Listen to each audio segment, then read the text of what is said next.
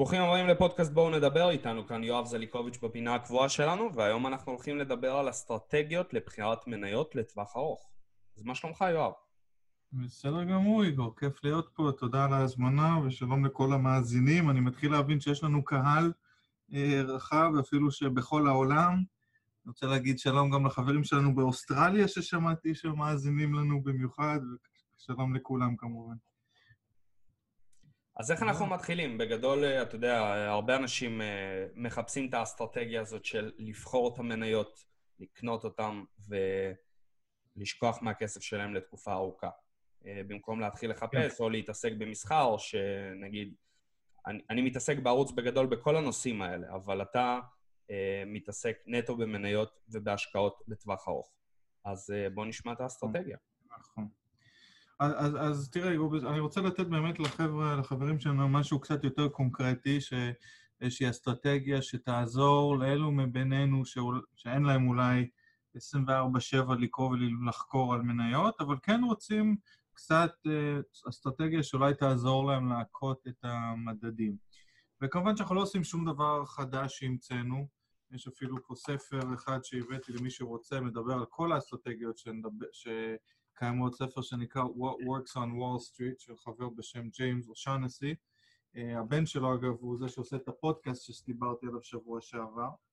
Uh, כמובן שלא אוכל לתמצת לכם את כל הספר היום, אבל כן נוכל ללכת אה, להתחבר גם למי שאנחנו תמיד מדברים עליו, זה וורן באפט, ואם נסתכל על הקריירה של באפט, איגור, נראה שבאפט בתחילת דרכו, הוא לא היה, הוא, הוא לא היה משקיע במניות מהסוג של אפל, נראה לי שכבר רמזנו, דיברנו על זה קצת, הוא דווקא אז הלך על השקעות במניות עם שווי שוק קטן שנסחרו בדיסקאונט עמוק לערכן הכלכלי. עכשיו, כאמור, לא לכולנו יש זמן כמו באפט ולקרוא כל היום את, ה, את, ה, את מודי'ס ולאתר מניה-מניה. אבל היום יש אה, טכנולוגיה שיכולה לעשות לנו, לעזור לנו לעשות את זה. אני כן רוצה היום לדבר על אסטרטגיה שבעזרת הטכנולוגיה יכולה לעזור לנו אולי אה, אה, לאמץ שיטה שכן תכה את השוק, אבל לא נצטרך כל היום לנתח חברות. תזכיר לי בהמשך כן לספר לך איזשהו סיפור על הקוף, על התוכי, על בחירת... אה, על בחירת מניות של פרופסור גרינבלד, זה שכתב את הספר. אבל בוא נחזור רגע, נלך רגע לעולם האקדמיה, איגור, ברשותך. ואם אתה זוכר, דיברנו על זה שפרופסור פאמה זכה ב-2013 בפרס נובל בכלכלה, שהוא מצא שהשוק יעיל. מה זה אומר שהשוק יעיל? השוק, מחיר המניה בבורסה משקף בכל עת את השווי הכלכלי שלה. אז אם זה אומר, טוב, פה אני אתן דוגמה לא טובה, כי טסלה לדעתי מנופחת היום, לא, לא שאני רוצה לעשות עליה שורט, כן, אבל לדעתי שם טירוף מוחלט. גם אילון, אילון מאסק אמר שהמניה יקרה מדי ביחס לערכה הכלכלית. אבל לא משנה, זה דיון נפרד. בוא נניח שטסלה נסחרת בכמה כבר, איגור? הספליט קרה, לא קרה, אני כבר לא עוקב לא קרה, זה קורה בסוף החודש. אז כמה היום? 200 דולר? 1,700 דולר. 1,700, אוקיי. נניח, ובשוק, התיאוריה של השוק העיל אומרת, איגור, כך, מניית טסלה נסחרת ב-1,700 דולר, זה מה שהיא שווה. דול, לא דולר פחות ולא דולר יותר. כל ניסיון של אדם, גם מנהל השקעות מיומן, לנסות להכות את השוק על ידי כך שהוא קונה מניות באופן אקטיבי על סמך מידע שיש בידיו, לא תעזור לו להכות את השוק. מדוע? כי שוק ההון, כידוע, מוביל, מוביל, לא, אה, מושך אליו את האנשים טובים וחכמים, וכשהם עושים אנליזה של חברה, הם הרי קונים ומוכרים על פי אה, שיקול דעת, ואם הם רואים שמניית טסלה שווה 1,700 ונסחרת ב-1,600, הם יבואו לקנות אותה. ואם היא נסחרת ב-1,900 ושווה 1,700, הם ייסעו להשורט. כך פרופסור פאמה מצא שלאורך זמן השוק ההון הוא מאוד יעיל, וגם למנהלי ההשקעות, אמרנו מנהל השקעות, תחשבו קוף, קשה להכות את המדדים. עכשיו, לא, לא, לא בהכרח חייבים להסכים עם התיאוריה הזאת, אבל כן חשוב לי שבן אדם בא לשוק ההון, שהוא יבוא בצניעות ושיבין שאם הוא קונה את מניית טסלה, זה לא שפתאום הוא גילה חברה מחדש. היה לי איזה חבר שדנתי איתו, הוא חושב, טסלה תשנה את העולם. טסלה חברה מדהימה. אמרתי לו, אתה צודק, אבל זה כבר מתומחר. בשביל להיות צודק בהשקעות יש מה שנקרא second level thinking. אתה צריך להיות צודק שכולם טועים. אם אתה צודק, אבל כולם יודעים את זה, אז זאת לא דרך להכות את המדד, וזה מה שהתיאוריה הזאת אומרת. אני מקווה שזה ברור, אה, איגור, לכולם. אז פרופסור פאמה אמר את זה, והם גם מצאו, וגם מלמדים את זה בתואר השני במנהל עסקים, אני זוכר, פרופסור אה, שלנו לימד אותנו את זה, איך קראו למורה שלי, של באמת פתח לנו אה, הרבה, אה, פתח בפניי את כל העולם של ההשקעות, והתיאוריה הכלכלית היא מאוד חשובה. ברח לי השם, אני כבר אזכר. עכשיו, פרופסור פאמה גם מצא שגם אם יש לך מידע פנים, לטענתו, הם אמרו שגם אז אתה לא יכול להכות את המדים. אתה מבין כמה השוק יעיל, שגם אם המנכ"ל שבא ויודע שמחר בבוקר טסלה תמציא רכב חדש, גם הוא, המידע כבר משוקלל בשוק. קרי, השוק הוא סופר סופר uh, יעיל, uh, ולכן uh, צריך להיזהר מאוד מלחשוב שאנשים יכולים להכות את המדדים. עכשיו שאמרנו שהשוק יעיל וקשה מאוד להכות אותו, הם כן מצאו מספר חריגים. ועם השנים מוצאים יותר ויותר חריגים, והאסטרטגיה שנדבר עליה היום מנצלת שני, שניים מהחריגים האלה, והם המרכזיים שבהם, וגם באפט השתמש בהם. הראשונה שבהם היא עובדה שמניות עם שווי שוק נמוך, לא מחיר מניה, אלא שכל החברה בכללותה. כשאתה דג במגרש של הגדולים לא משחקים בו, קרי מניות הגדולות, כולם מסתכלים עליהם כל היום, אבל למשקיע הקטן יש יתרון מאוד גדול על המקצוענים, ולא לחינם באפט אומר אם היה לי סכום של מיליון דולר, הייתי עושה 50 אחוז בשנה, וכך הוא עשה בתחילת דרכו, כי הוא התעסק במניות עם שווי שוק קטן. בארה"ב אנחנו מדברים על מניות עם שווי שוק של 200-300 מיליון דולר, בארץ סכום דומה רק בשקלים. עכשיו, כשמתמקדים במניות האלה, שם פתאום פרופסור פאמה ופרד שעזר לו, אמרו, השוק לא כל כך יעיל, ואיך הם, ומה הם גילו? וזה שוב, לפני עלויות ולפני מיסים וכולי, וחוקים נוספים, אבל בתיאוריה, אם אתה באופן מתודי מתמקד רק במניות עם שווי שוק קטן, אתה באופן סיסטמטי בכל שנה עושה 2-3 אחוזים יותר מהשוק. עכשיו, גם מצאו את זה על מדד ה-S&P. ה-S&P כידוע לכם מוטה כלפי המניות עם השווי שוק גדול. ככל שהמניה יותר גדולה, השווי שוק יותר גדול, המשקל שלה במדד יותר גדול. באו כמה חבר'ה מ... הרבה מצאו את זה, אבל רב ארנו, ממקום שגם את שמו... אה, ברח לי השם, אבל בחור חוקר בשם ארנו, A-R-N-O-N-T-T, כתב על זה גם ספר, זה Fundamental Index, מצא, אילו היית לוקח את מדד ה-S&P ונותן לכל מניה בו את אותה משקל, אתה כבר מניב תשואה עודפת של 3% בשנה. תיאורטית, אם היית יכול לעשות דבר כזה. ולמה זה? כי אם אתה עושה שווי משקל שווה, משקל שווה, אז כמה המניות הקטנות מקבלות משקל גבוה, וה... ואז כך נוצר מצב שאתה אה, בעצם נהנה יותר מהתשואה העודפת של המניות הקטנות, כי אתה לא מתרכז רק במניות הגדולות. ואגב, זה לא אינטואיטיבי, אבל חשוב, איגור, שאנשים יבינו שהמניות הגדולות שצמחו הכי הרבה לאחרונה, מה שקרה קדימה, לרוב המניות הגדולות האלה יש ירידה. באופן סיסטמטי, אגב, תדע לך, מי שמחפש חברות עם הצמיחה הכי גבוהה, לרוב הן ההשקעות הכי גרועות, באופן לא אינטואיטיבי. דווקא המניות הקטנות או המניות הזולות, שזה כבר נגיע לזה, הן אלה עם התשואה הפוטנציאלית היותר גבוהה.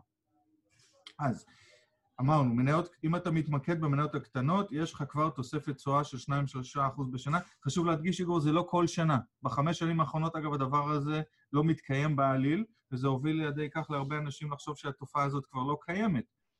קטונתי מלהביע דעה, זה נמצא שם בדיון אצל גדולי החוקרים, אה, בחור בשם קליף אסניס, שחשוב שכולם יכירו, הוא כותב אקדמאי, שגם היום, הוא היה תלמיד של פאמה, והיום הוא פתח בית השקעות של, של עצמו AQR, והוא כותב מאמרים נפלאים ומנהלים מאות מיליארדי דולרים בשיטות שאני בגדול אתאר היום. אז הוא מאלה שטוען שהתופעה של מניות הקטנות קיימת, אבל צריך מאוד להיזהר. ואנחנו נדבר על איך להיזהר עם התופעה הזאת. עכשיו, אז זה החריג הראשון, מניות קטנות, שווי שוק קטן. החריג השני שמפעמה מצאו, זה שהמניות value מתוך המניות הקטנות הן אלה שמניבות תשואה עוד יותר גבוהה. עכשיו, value אפשר לקבוע הרבה אחרי פרמטרים. לצורך הדיון היום, נשתמש במכפיל הקלאסי שהם השתמשו בו, זה מכפיל הון. מה זה אומר? אם אני קונה חברה שיש לה בהון העצמי 100 שקל, ושילמתי עליה 100 שקל, המכפיל הוא 1. אם לחברה יש הון עצמי של 100 ושילמתי עליה 200, אז המכפיל הוא 2, כי שילמתי בעצם 2 שקל על כל שקל של הון עצמי. אם קניתי חברה עם הון עצמי של 100 ושילמתי עליה 50, אז המכפיל הון שלי הוא 0.5. והם מצאו שאם באופן סיסטמטי הייתי קונה רק את המניות עם המכפיל הון הנמוך ביותר, קרי העשירון התחתון, הייתי גם פה מניב תוספת תשואה של בין 2-3 אחוזים בשנה. אגב, התופעה הזאת, למדו אותה בארצות הברית, אבל היא מתקיימת כמעט בכל מדינה שבחנו. גם ביפן, אגב, שרבים אומרים, הבורסה היפנית המון שנים לא זזה, אבל מי שיישם שיטת השקעה כזו, מניות קטנות וזולות, עשה תשואות פנטסטיות גם ביפן. אז, אז שני החגים הראשונים שאני רוצה שנתמקד בהם היום זה מניות עם שווי שוק קטן, ושווי שוק קטן שנסחרות בדיסקונט עמוק לערכן הכלכלי. חיבור של שני גורמים אלה, לאורך זמן היגור, יכול להניב לנו תוספת תשואה של חמישה אחוז בשנה. אגב, מצאו שאם אני מחפש מניות זולות מקרב המניות הגדולות, קרי, עושה פרייס טבוק נמוך, אבל על מניות עם שווי שוק גבוה, התופעה כבר כמעט ולא מתקיימת. לכן, אם אני בית השקעות גדול של מניות מיליארדי דולרים, הדברים האלה פשוט לא עובדים עבורי. לכן, איגור, שוב, היתרון שלנו כיותר קטנים, יכול להיות שיש לך כבר מיליארדרים בהאזנה, אבל מי שלא מיליארדר, חברים, אל תזרקו לפח את היתרון הכי גדול שלכם. בסדר? עכשיו, איך מנצלים את זה, תשאל אותי, נכון? מה עושים עם המידע הזה? זה השאלה העיקרית של בטח רוב הצופים. יפה. איך אנחנו באמת uh, משתמשים במידע הזה. יפה. אז פה אני רוצה לחזור רגע לספר של גרינבלט, שהזכרנו אותו שבוע שעבר, ש... וגם להשתמש בדוגמה פרקטית ממנו, להבין איך אנחנו יכולים לעשות את זה.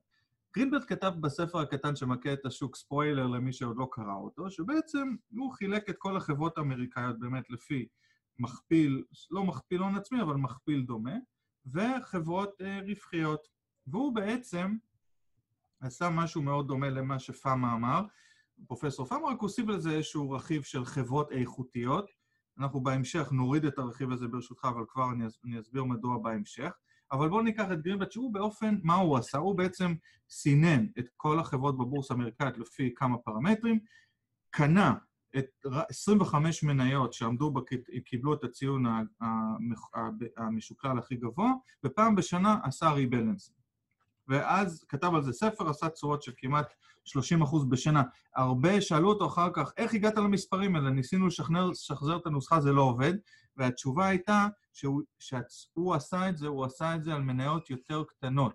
וכאמור, אם אתה עושה את זה על מניות ב-S&P, אתה לא תניב תשואות של 30 אחוז בשנה, אבל כשאתה עושה את זה על מניות סופר קטנות, אפשר להגיע למספרים של כמעט ה-30 אחוז שהוא הגיע אליהם לאורך זמן. אגב, מאז שהוא כתב את הספר, האסטרטגיה עובדת פחות טוב, ויש כל מיני ניואנסים שלה שאנחנו, אני מקווה שנגיע אליהם היום. גרינבלט, דיבר, זאת האסטרטגיה שבעצם הוא יישם. בתחילת דרכו, אגב, הוא יישם אסטרטגיה עם מניות עוד יותר קטנות ועוד יותר זלות, אבל המפתח להצלחה שלו בנוסחת הקסם זה לעשות את זה על מניות יותר קטנות וזולות, כמו שפאמה אה, ופרנץ' עשו. ובאתר שלו ובספר, פרופסור גרינבלט, אתם תראו, יש שם אפשרות לקבל בחינם את נוסחת הקסם במניות גדולות, המניות יותר קטנות צריך אה, לבוא ולשלם לו כמה שקלים לדעתי על הרשימה. לא, צריך להצגים את זה גם חינם. אצל הבחור השני שנביא היום שם זה עולה כסף, אבל נגיע אליו. אבל מה שרציתי לספר על גרינבלט, מה שמאוד מעניין וחשוב לי להגיד לקהל, וזה עוד יותר מפשט את זה, יגידו אנשים, טוב, אני מקבל רשימה של מניות, אז טוב, בואו נבחר מתוך זה, נתחיל לבחור את המניה הזאתי, זאתי, מתוך הפלט נבחר מניות, נעשה stock picking. וגרינבלט והצוות שלו באמת עשו את הניסוי הזה, הם אמרו, בואו ניקח צוות אחד, שלוקח את כל המניות מתוך הרשימה וקונה אותן באופן קונסיסטנטי בלי להפעיל שיקול דעת. צוות שני התחיל להפעיל שיקול דעת. עכשיו, אלה אנליסטים חכמים, איגו, לא פשוטי עם כמוני כמוך, אתה לא, אני פשוט, זה שלקחו ובחרו אה, מניות אה, באופן, עשו אנליזה, אמרו, זאתי נראית לנו, זאתי לא נראית, ואז בחנו את תשואת התיק של התיק, התוכי, שבחרו את מניות הקסם באופן אוטומטי, לבין התיק שהמניות נבחרו באופן אה, פרטני. וראה איזה פלא, איגור, שדווקא התיק שהם לא התערבו בו, שהם קנו פשוט את כל המניות הזולות האלה והטובות, עשה יותר טוב מהתיק שהייתה התערבות של בשר ודם.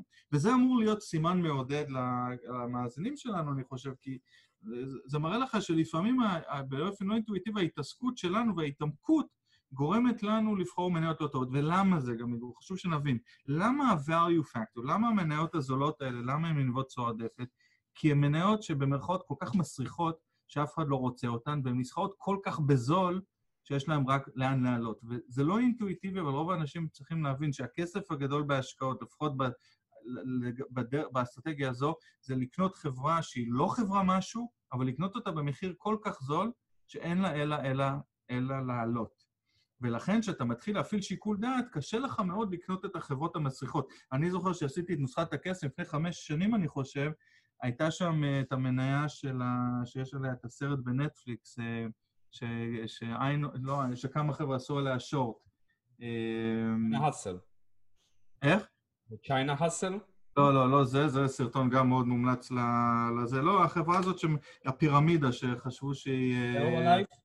הרבלייף, בדיוק. היא נכנסה לנוסחה, ואני אמרתי, וואי, עם כל הרעשים על המניה הזאת, שמשקיע, אקמן עשה עליה שורט, אני לא מתקרב אליה בחיים, ובאמת לא קניתי, והיא טסה בכמה, מלא מאז. אז, אז זה מראה לך כמה קשה לבחור את המניות האלה. מה שגרינבלט, המסר שלו היה למשקיעים, ואגב, אני עבדתי בבית השקעות בישראל, שיישם את האסטרטגיה הזאת, אבל לא שמע כנראה את ההרצאה של גרינבלט והתחיל לבחור משם מניות, וכמובן פגע בתשואות שלו. אז uh, אני ממציא לציבור, אם הם מיישמים את התורה של גרינבלט, לעשות אותה באופן סיסטמטי, פעם בחודש, פעם בשנה, לעשות, לראות את המניות שיש לו ברשימה, לקנות אותן, ופעם בשנה לעשות ריבלנסים. אבל אני רוצה להביא לך משהו יותר טוב מגרינבלט היום, אה, בגלל שמאז שיצא הספר שלו, כמה זה כבר, קרוב ל-20 שנה, אה, מצאו שהנוסחה הזאת לא מושלמת, ואמרו שאחד מהפקטורים הוא מיותר. והמעניין אה, לחשוב איזה הוא מיותר. אני אשאל אותך, איגור, אם היית צריך לבחור חברה טובה, על איזה פקטור היית מתמקד? שהיא חברה רווחית או חברה זולה? מה נראה לך יותר חשוב? רווחית. נכון. גם אני הייתי אומר את זה אותו דבר, אבל דווקא חוקרים, וזה שאני אה, שניים שאני אציין, שכתבו על זה גם ספר, זה טוביאס קרליל, שהוא מהאתר שכבר נדבר עליו, ופרופסור וסלי גריי כתבו ספר ש... quantitative value, והם בעצם עשו backtasting ובחנו וראו שבאופן לא אינטואיטיבי, אם היית מיישם את נוסחת הקסם בלי הפרמטר של הרווחיות, כלומר לבחור רק מניות זולות, היית עושה הרבה יותר טוב מהחברות זולות ורווחיות. וזה, אתה יודע, כשאני קראתי את זה ולמדתי את זה, זה באמת לא היה לי הגיוני. אבל אם מתעמקים רגע וחושבים על זה, מבינים את ההיגיון. הרי לזהות חברה רווחית, איגור, כולם יודעים. ופה השוק מאוד יעיל. חברה טובה ורווחית, כולם רוצים לקנות אותה, ואז המניה עולה, ואז המחיר שלה גבוה מדי. איפה השוק לא יעיל? איפה אתה עוד יכול ללכת נגד הזרם? ללכת על חברות שפשוט הן זולות והן זולות מדי. ולכן הפרמטר של הרווחיות, לפחות באסטרטגיה הזאת, פוגם בדרך. ולכן הם אה, הקימו אסטרטגיה אה, חדשה. אגב, יש להם תעודות סל שעושות את זה עבורך. אני לא רוצה להמליץ על תעודות פה, מי שרוצה יכול למצוא אותן לבד. אני רוצה דווקא לתת כלים לאלה שרוצים לעשות את זה לבד. אה, ובעקבות הספר, טוביאס קרלל, יש לו אתר שנקרא The Acquires Multiple, ואני אפתח את זה פה תוך כדי שיחה אצלי. אני, אם תרצה, אני אשלח קישור לאתר בעקבות ה... מי שירצה יפנה אליך, אני אשלח לך קישור שיהיה לך לכל הפונים. אני אצרף את זה בתגובות. מה אתה אומר? אני אצרף אותו בתגובות. בכיף. מה, מה מוטופול אומר, הוא בעצם לקח את הנוסחה המקורית של, של גרינבלט, ו, ובעצם התרכז רק בפרמטר של המחיר. אבל המחיר שהוא לקח הוא קצת יותר מתוחכם, ואני כן רוצה להסביר אותו, כי הוא גם פה, הוא קצת אה, מורכב, הוא לא מורכב, אבל כמו הרבה פעמים מגור, אני אתן לך דוגמה מעולם הנדל"ן שכולם מבינים, אוקיי? אז איך הוא בוחן האם חברה זולה או לא? הוא לא לוקח רק את ה-price to book, את המכפיל הון, כי זה קצת פשטני מדי ויש uh, לא מעט ליקויים עם המכפיל הזה. הוא בעצם לקח, לכל חברה, הרי מה יש לה? יש לה נכסים ויש לה התחייבויות, ואז לעומת זו רואים כמה היא מרוויחה או מפסידה. עכשיו, לקחת חברה עם המון נכסים והמון התחייבויות, זה לא חוכמה לראות כמה היא מרוויחה, זה כמו שאני אקנה בית עם משכנתה של 100% ואגיד, יש לי תשואה אינסופית על ההון. כשאתה רוצה לבחון האם חברה היא רווחית, אתה צריך לראות כמה כסף יש בכל הבית, ביחס לכמה רווח היא מייצרת, נכון? הרי להתמנף, כל אחד יכול להתמנף. אז הנוסחה שלה ב-Acquires Motor פה בעצם לוקחת כל חברה, מתייחסת לכל, לשו, לוקחת את השווי שוק שלה ומוסיפה לשווי שוק את כל ההתחייבויות שלה. תשים לב, זה מוסיפה את ההתחייבות, זה לא, גם לא, לא קל להבין את זה, אבל תחשוב על זה כמו שאתה קונה בית עם, אה, ששווה מיליון עם משכנתה של 100 אלף שקל. המשכנתה שלך היא 900,000. אם אני רוצה לראות את התשואה על הדירה, אתה לא יכול לבחון רק ביחס למאה, אתה צריך לבחון את כל החברה, אתה לוקח את כל המיליון. וזה מה שהנוסחה הזאת עושה, היא לוקחת את המאה ואת ה-900, ולכן היא מוסיפה את כל ההתחייבויות. זה גם נקרא באנגלית Enterprise Value, והמכפיל הזה, כאשר אתה לוקח אותו במונה, מחלק במחנה את הרווח של החברה, או את ה... את ה, את ה הוא לקח את הרווח התפעולי, Operating Earnings, זה המכפיל שהוא קרא לו Acquires Multiple. שוב, אתה לוקח את השווי שוק של החברה, מוסיף לזה את כל ההתחייבויות שלה, מחלק את זה ברווח שלה, ואתה מקבל מספר. עכשיו, ככל שהמספר הזה יותר נמוך, זה אומר שאתה משלם פחות עבור אותם רווחים של החברה. אני מקווה שזה ברור, ומי שלא יקרא כמובן באתר שלו, זה נקרא באנגלית Enterprise Value. ואגב, וסלי גריי, פרופסור גריי וקרלייל מצאו שהיסטורית עדיף להתמקד בחברות שנסחרות במכפיל נמוך על פי, על פי יחס זה, מאשר להתמקד ביחס של price to book. אנחנו, אגב, אצלנו, אני נותן קצת סוד הסטאפ שלנו, אנחנו לוקחים את כל המכפילים, מחפשים חברות שהן זולות על פי כל המכפילים. אבל אני לא רוצה לסבך את המאזינים ואני לא רוצה לתת את כל הסודות מדינה שלנו, אבל, אבל כן, אם הייתי צריך לבחון מכפיל אחד, זה המכפיל הזה. עכשיו, למה אני חופר לכם על כל זה? כי באתר של טוביאס, שוב, יש לו היום תעודת סל שעושה את זה עבורך, אבל התעודת סל הזאת עושה את זה למניות היותר גדולות. מי שמאמין עדיין שמניות עם שווי שוק יותר קטן יניבו תשואה עודפת, כמו שמצאו פרופסור פאמה ופרנץ', עלי, עליהם להתמקד במיקרו-קאפ. אצל טוביאס, באתר שלו, לקבל את הרשימה של המניות הזולות על פי המכפיל הנמוך ביותר בארצות הברית, צריך לשלם לו כמה גרושים, אבל לדעתי זה משתלם. אה, ומה שאתה עושה, אתה מקבל, נכנס לאתר, מקבל רשימה, זה כמה, כמה מאות שקלים בשנה, זה לא הרבה כסף, כמה, אולי 100 שקל בחודש, פעם אחרונה שבדקתי. עכשיו שוב, לא הייתי עושה את זה על תיק מאוד קטן, אתה צריך לקנות לפחות 20 חברות ביחד, איגור, שזה יעבוד. אתה לא יכול uh, לעשות את זה על מניה אחת-שתיים, אתה צריך כאמור לקנות, לעשות את זה כאסטרטגיה ל-20 מניות ולהחליף את המניות פעם בחודש, פעם בשנה, כל אחד לפי... Uh, עדיף אגב פעם בחודש רק אם אתה עושה את זה בקרן השתלמות. אם אתה בתיק ממוסה, עדיף פעם בשנה לראות את המניות שיש ברשימה. Uh, אם לקנות אותן, שווי משקל, ש, ש, ש, שווה משקל תיק עם 20 אלף שקל נגיד, כל מניה באלף שקל, כעבור שנה, לראות איזה מניות יש ברשימה, וחוזר חלילה, אם מניה כבר לא מופיעה, למכור אותה ולהחליף אותה בחדשה. אה, אסטרטגיה כזאת על הנייר, לבטח אם עושים את זה על מניות קטנות. ולבטח היום, שכל המניות היקרות הן סופר יקרות, והמניות הזולות, להערכתי, הן סופר זולות, לדעתי, מי שרוצה קצת להתאמץ יכול בלי שוב להפעיל פה שיקול דעת לקנות את כולן, להכות את המדד די בבטחה לאורך זמן על ידי אסטרטגיה כזאת. יש לאסטרטגיה הזאת המון אה, גיבוי, אני זרקתי כמה חוקרים, אבל המון אנשים בחנו את זה, בדקו את זה. אתה, אגב, היום במניות הליגו יהיו לך המון חברות תעופה, חברות מתעשיות אה, משעממות, ראיתי שם HP וכל מיני דברים שאף אחד, פיאט, חברת הרכב פיאט, מניות שאף אחד לא רוצה להתקרב אליהן, בטח בגדולות. ולכן מי שיקנה אותן היום במחיר רצפה, כנראה לאורך זמן ירוויח יפה בתוחלת.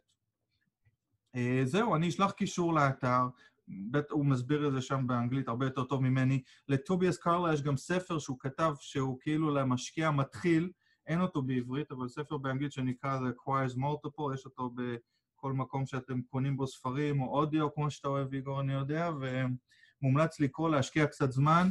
אה, ואני כבר כמה חודשים אומר לאנשים שזה הזמן להיכנס למניות ערך, למרות שלתזמן את זה זה אף פעם לא רעיון טוב, ובחודשים האחרונים יגרו הדברים האלה מתפוצצים. יש לי לקוחות שהגיעו אלינו, ברוך השם, והם בהלם כמה זה עשה לאחרונה. עכשיו, כמו שזה עולה עכשיו, זה גם יכול לרדת, כן? אבל זה מאוד תנודתי, אבל אם יש סיכוי, דעתי, למשקיע הקטן להכות את המדדים, עליו להתמקד במניות מהסוג הזה. והאסטרטגיה היא לטווח ארוך, לעשות את זה להשקיע באסטרטגיה הזאת כל שנה, אבל לא לחשוב שכל שנה אתה תכה את המדד. אבל בסופו של דבר, כאילו, עם האסטרטגיה הזאת, אה, כמו שאתה אמר, לפי המספרים, אז כביכול, בממוצע עם השנים אני כן אמור להכות את המדד. אני מאמין גדול בזה, כן. אוקיי, אז אה, כל מה שדיברנו עכשיו, כמובן, זה לא המלצה, אפילו שיואב הוא יועץ השקעות.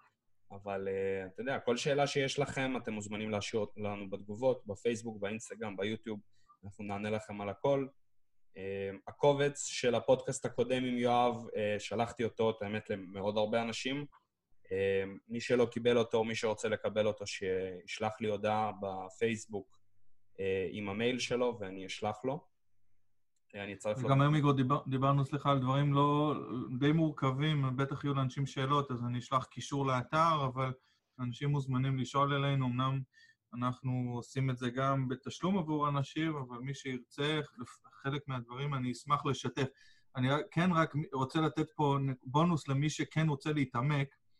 אה, האסטרטגיה הכי טובה של גרינבלד ושל טוביאס קרלאו לא מופיעות באתרים האלה. מי שרוצה קצת שיסתכל, יחפש, יחקור, איך גרינבלט ניהל את הכסף שלו בתחילת הדרך, זה נקרא The Original Magic Formula, יקרא, וזה גם בנג'מין גן כתב את זה, זאת הדרך באמת לתשואות המטורפות, אבל זה כן דורש יותר התעמקות. מי שרוצה משהו פשוט ליישום, זה מה שדיברנו עליו היום. אוקיי, okay. אתם גם אה, בונוס למי ש... יקשיב לפודקאסט הזה עד הסוף, אז אתם... אה, נדע, נדע כמה מגיעים לשם. כן, כמה מגיעים עד הסוף, יכולים לפנות ליואב עם שאלות. בכיף. בסדר, יואב, אז תודה רבה על הזמן שלך, אנחנו ניפגש לעוד פרק. בכיף, איגור. תודה לך, ושיהיה שבוע מצוין לכולם. thank you